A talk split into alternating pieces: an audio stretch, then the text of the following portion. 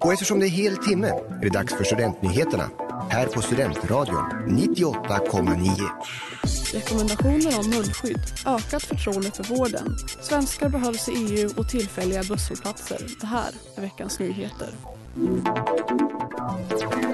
Från och med den 23 februari gäller nya rekommendationer angående munskyddsanvändning i Region Uppsala. Det uppger P4 Uppland. Alla som är födda efter 2004 rekommenderas nu att använda munskydd i kollektivtrafiken oavsett tid på dygnet. Munskydd rekommenderas även inomhus vid de tillfällen det inte går att hålla två meters avstånd och där man befinner sig i mer än en kvart.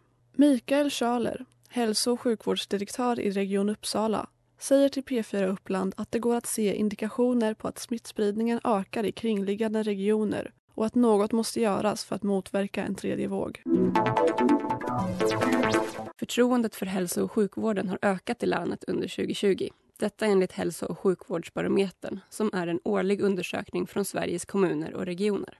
I hela landet har andelen som har stort eller mycket stort förtroende för vården som helhet ökat från 60% till 69% Ökningen är ännu större här i Region Uppsala där siffran nu ligger på 73% Invånarna i Region Uppsala är också mest positiva i landet till att använda Vårdguidens e-tjänster.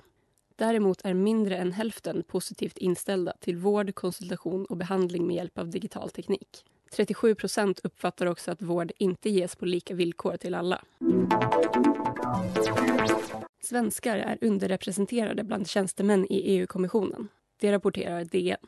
Det saknas omkring 350 anställda svenskar för att representationen ska spegla Sveriges roll i EU. Gertrud Ingestad, generaldirektör för Human Resources and Security, trycker på vikten av att EU-kommissionen är representativ för dess medlemsstater. Detta för att arbetet ska präglas av vad som är viktigt för alla medborgare.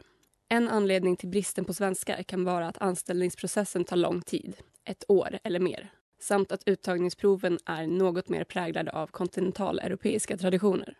EU-minister Hans Dahlgren hoppas kunna ändra på det med riktade prov till svenskar och andra underrepresenterade grupper. Från och med den 1 mars kommer busshållplatserna vid Stora torget ersättas av tillfälliga hållplatser på Vaxhallagatan. Det meddelar UL på sin hemsida. Bussar kommer därför ledas om och hållplatserna flyttas. Orsaken är ett gatuarbete. Linje 2, 7 och 11 kommer påverkas och förändringarna förväntas vara fram till hösten. Du har lyssnat på nyheterna i Studentradion 98,9 med Amanda Jansson och mig, Elvira Oberger.